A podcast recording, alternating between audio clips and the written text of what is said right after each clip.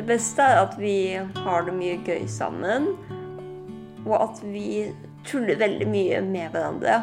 Uh, vi kan helt fint kalle hverandre for ting som ikke alltid er helt politisk korrekt, fordi at vi begge to har en funksjonsnedsettelse. Uh, jeg kan f.eks.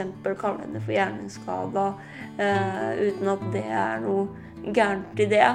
Det betyr veldig mye å kunne dele ting med et annet menneske og kjenne at man er ordentlig glad i noen andre på en måte som man kanskje ikke har følt på tidligere.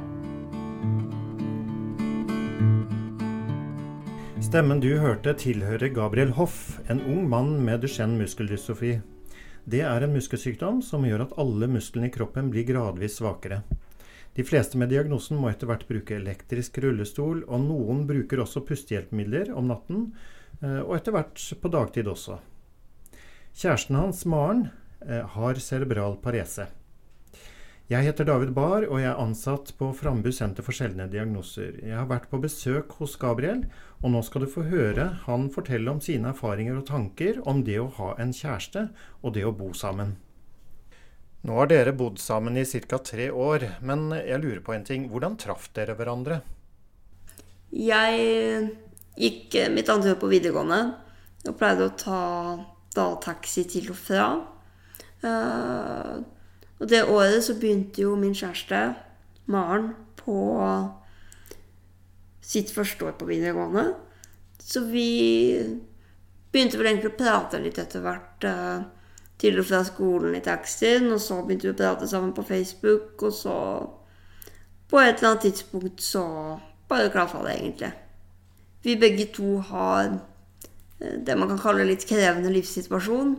Uh, jeg har en sjelden fremadskridende muskelsykdom, og hun er født eh, med cerebral parese. Så vi er jo da rullestolbrukere begge to. Vi eh, klarer oss i litt forskjellig grad fysisk. Hun er litt mer selvhjulpen med meg på en del ting som det å kunne stå opp og ta en dusj på egen hånd osv. Til de tingene er jeg helt avhengig av hjelp. Uh, som betyr at allerede der så har vi en liten sånn Liten sånn skjevhet, kan du si. Uh, så selv om begge to har et assistansebehov, så er det sånn at jeg må ofte ha mer assistanse for å kunne stille opp for henne enn det hun må for meg. Det som er mest krevende da, er egentlig å skape den forståelsen hos assistentene på um, at uh, noen ganger så kan det hende at jeg ber dem om å gjøre ting som jeg ønsker å gjøre for henne. Og av og til så mener jo de det at det er ting som hennes assistenter skulle ha gjort. Akkurat de tingene som man normalt sett hjelper kjæresten sin med å gjøre fordi man er et par, det er ofte, det er ofte veldig ok. Men så er det jo sånn at vi er vant med å kunne hjelpe hverandre med ting som kanskje kjærester normalt sett ikke hjelper hverandre med. Uh, jeg liker ofte å tenke på det sånn at uh, hvis Maren plutselig en dag ikke har assistent, og jeg ønsker å stille opp for henne, f.eks. hvis hun vil på Det var en gang vi skulle på trening. Hun skulle på trening i skjelkehockey.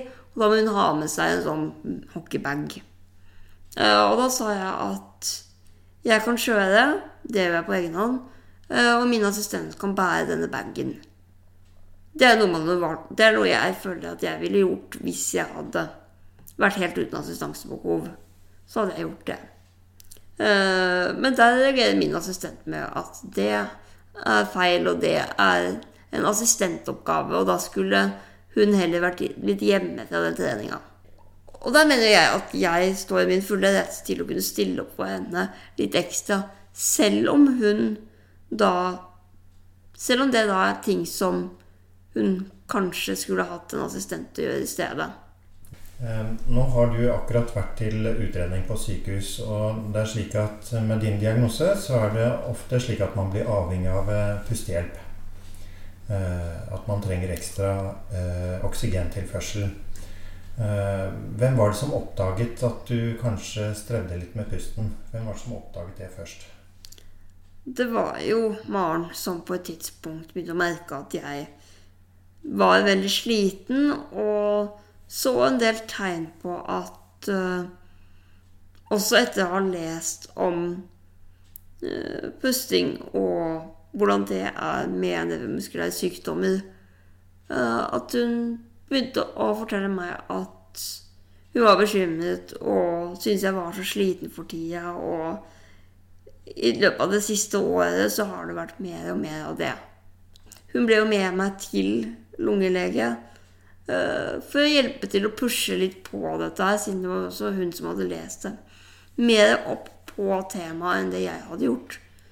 Sånn at vi da kunne fortelle til legen at vi ønsket at jeg skulle komme inn til en utredning for å få tilpasset et pusteteknisk hjelpemiddel for å gi meg noe pustestøtte om natta. Ofte så har man jo litt vanskelig for å se disse tingene selv, fordi man lever så inni de tingene man vil, og så uh, I mitt tilfelle så har jo ikke jeg villet akseptere at dette faktisk er noe jeg trenger. Det er veldig vanlig at man bortforklarer det med at uh, man er litt sliten med at akkurat nå så har det vært litt mye, eller ja, nå er det sånn. Kanskje jeg ikke sover nok, kanskje jeg ikke drikker nok. Kanskje jeg skal endre på kostholdet. Uh, og det handler jo om at jeg fra liten av bestemte meg for at selv om jeg på et tidlig tidspunkt vil vite at på et tidspunkt så er det vanlig å begynne med noe pustehjelp, så var det noe jeg var fast bestemt på at nei, så dårlig skal ikke jeg bli. Det, det kommer ikke til å skje. Og så på et tidspunkt så begynner Maren å fortelle meg at det er noe som ikke er som det skal. Og så tar det jo da en god periode på ett til halvannet år før jeg begynner å være villig til å innse at det snart er på tide. Og da er det jo veldig fint at man da har en annen person som kjenner deg godt, som uh, da ser at det er en drastisk forandring, og som da kan si fra at nå bør vi kanskje finne litt ut av hva dette er for noe. Prater dere mye sammen om utfordringer? Vi prater vel egentlig med, mer om hva vi ønsker å oppnå i fremtiden. Og selvfølgelig så snakker vi litt om at det er noen utfordringer som kan oppstå, noe som kan bli vanskelige. Men så har vi jo ikke snakket så veldig mye konkret om alle de tingene. Én ting er at vi vil kjøpe bolig sammen. Uh, og det er jo første utfordring er jo som alle andre, og det er å spare opp nok egenkapital og vite at man på et tidspunkt skal ha råd til å eventuelt betale ned et uh, huslån hvis vi er nødt til å ta opp et lån. Og så har vi jo da snakket litt om at da må vi ha litt stor plass. Det huset må være stort nok til at vi kan oppbevare et hjelpemiddel her og der. Vi skal ha plass for assistentene til å oppholde seg når vi ikke trenger dem, og til en nattevakt, som jeg etter hvert kommer til å ha. Og så har vi jo snakket om at vi kanskje ønsker å få oss noen barn på et tidspunkt. Og da er det også greit å ha litt ekstra god plass, og da kan denne begge to kommer til å trenge å ha assistanse hele døgnet, i hvert fall de første årene, for å kunne være parat til å kunne hjelpe til med barna når det trengs. Vi prater veldig mye om hva vi ønsker, hva vi vil oppnå. Ikke fullt så mye om utfordringene, egentlig, men litt sånn hva må vi ha for at det skal fungere? Hva trenger vi for det? Tenker at det er litt hva man gjør det til. Uh, men så er det jo det å også finne en partner som er åpen for at her er det mye som kanskje er det mye forandringer.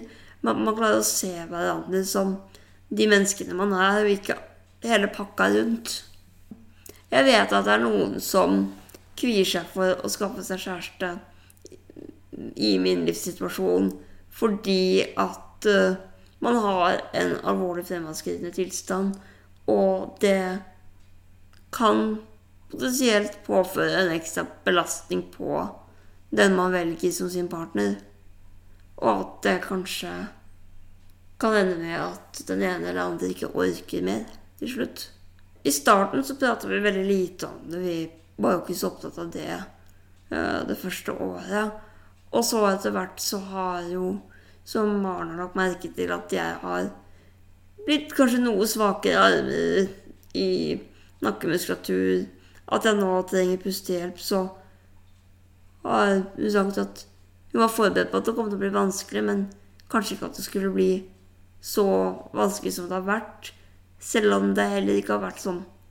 Det virker i hvert fall ikke sånn på henne som det har vært uh, veldig vanskelig. Men at det er tøft å se at det skjer sånne forandringer. Og at det har gått mye fortere enn hun hadde sett for seg. Det har jo hendt at jeg har sagt at du må jo velge på et tidspunkt hvor mye du orker av dette her. Om du orker å se at jeg blir dårligere og dårligere, og, og eventuelt ja, det må du ta et valg på på et tidspunkt. Fordi at det kan bli veldig vanskelig å føle at man sklir fra hverandre fordi at den ene blir dårligere. Og da tenker jeg at man enten må prøve å være sterk eller se sine begrensninger på at kanskje man ikke makter det. Jeg skulle jo på et tidspunkt søke om eh, en litt større elektrisk eh, sånn seng. Etter at vi hadde vært sammen en stund. Jeg tok kontakt med min ergoterapeut i kommunen og forklarte at jeg vil gjerne søke om en større seng fordi nå har jeg fått meg kjæreste. Og fikk da til svar at nei, men jeg kan ikke søke om en ny seng til deg på det grunnlaget.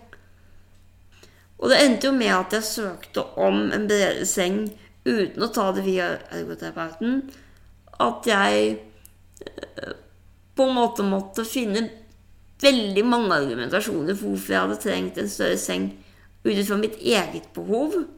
Uh, som at jeg trenger å bygge opp uh, med puter støtte opp sånn at noen ganger trenger jeg å utføre påkledning i senga osv. Da trenger man ekstra god plass. Men den sengen jeg søkte om, og som jeg til slutt fikk, er jo en seng som egentlig er beregnet på folk som er overvektige. Og da ganske overvektige. Så det er jo en, egentlig en seng som er beregnet på én person, som er 1,20 bred. Og det er jo ikke Det kvalifiserer jo ikke til en normal dobbeltseng, men det fungerer enn så lenge. Eh, man må jo smøre tjukt på, for å si det pent noen ganger for å få det man trenger. Og det gjelder jo generelt med en del ting, og man må jo ofte overdrive. Men sånn som dette, så er det jo faktisk sånn at det er ikke produkter på markedet. Det finnes ikke hjelpemidler som er laget for f.eks. Uh, kjærestepar som begge har behov for en seng med elektriske funksjoner. Sånn at det tas på en måte ikke hensyn til det. Det er ingen som har tenkt på at det kan være en problemstilling. Og så er det én ting er jo hva som finnes på markedet. At vi fant ut at det finnes en såpass brei seng at den kan vi faktisk bruke. Men når det kommer til stykket, så vinner vi jo ikke frem med den argumentasjonen at vi er kjærestepar og skal kunne dele en seng. Det er liksom ikke noe i Nav sitt system som tilsier at det skal man. Det er klart, vi møter jo på en del situasjoner hvor vi, hvor, man, hvor vi må kjempe for å få det vi trenger, som er helt enkle ting som ingen helt vanlige kjærestepar uten noen av disse tilleggsutfordringene vil trenge. Og sånn sett i perioder så kan det bli ganske mye for begge, og at vi føler at vi kanskje trenger en timeout at man trenger en ferie, og at man bare skulle ønske at ting var på plass uten at man trengte å gjøre så veldig mye mer. Hva gjør dere da, når dere har en timeout? Reiser dere bort, eller gjør dere aktiviteter hvor dere glemmer på en måte en del av de utfordringene? Um, nå har ikke vi nødvendigvis egentlig en sånn fast ting vi pleier å gjøre innimellom for å gjøre det, men det blir jo på en måte å få satt av tid til hverandre og enkelte ganger så er det f.eks. det å kunne uh, ta en tur med bilen et eller annet sted og f.eks. dra ut og spise eller noe sånt noe, uten å ha med seg assistentene. For enn så lenge så har jo vi den muligheten, i og med at begge to har hver sin tilrettelagte bil, og vi kommer oss inn i den begge to og klarer i hvert fall å få til noen sånne ting uten å ha med noen. Noen dager så er det veldig deilig å være en hel kveld uten å ha assistentene til stede. Da oppdager man hvor stille det egentlig er. Eller egentlig, for å si det motsatt, da. Hvor mye lyd assistenter egentlig lager bare ved å være der. Det er et eksempel. Det er ofte, ofte assistansen vi trenger noe fri fra, egentlig. Fordi at i perioder så er det slitsomt å ha Føle at man er fire personer i forholdet til enhver tid. Og på en måte ha to uh, figurer på skulderen som sier veldig mye og mener noe, oppfatter noe, ser, observerer, hører. Vi er jo en del sammen og gjør en del ting sammen. Blant annet så sitter vi i et uh, styre i Norges Handikapforbund Ungdom i Region Øst, der jeg er styreleder og hun sitter som vara. Uh, så vi er mye sammen på den type arrangementer. Mye på kurs og sosiale aktiviteter, styremøter og sånt der. Uh, vi spiller elektrisk innebandy begge to. Mye på samme lag i samme klubb. Ser vi jo hverandre veldig mye i hverdagen. Vi er jo mye sammen. Det å sette av nok tid til å faktisk ha fokus på det, til å være tålmodig med hverandre Selv på dager hvor det skjer mye, det er mye stress, og kanskje også i perioder hvor man har det vanskelig, så er det det å ikke glemme å se hverandre, ikke glemme å uh, vite, anerkjenne det den andre bidrar med. For det har jo vært at vi begge to har hatt hver våre vanskelige perioder hvor vi har følt at vi har trengt hverandre, og så har den ene tatt mye mer enn den andre uten å klare å gi tilbake. Det er viktig å ikke la de tingene som man ser for seg at kan bli vanskelig, sette en stopper for det. Uh, og hvis det, hvis det, ikke funker én gang, så kan det godt hende at man da bare ikke har funnet riktig person. Fordi at begge må være åpne, og man må være villig til å stå i det også når det blir veldig vanskelig.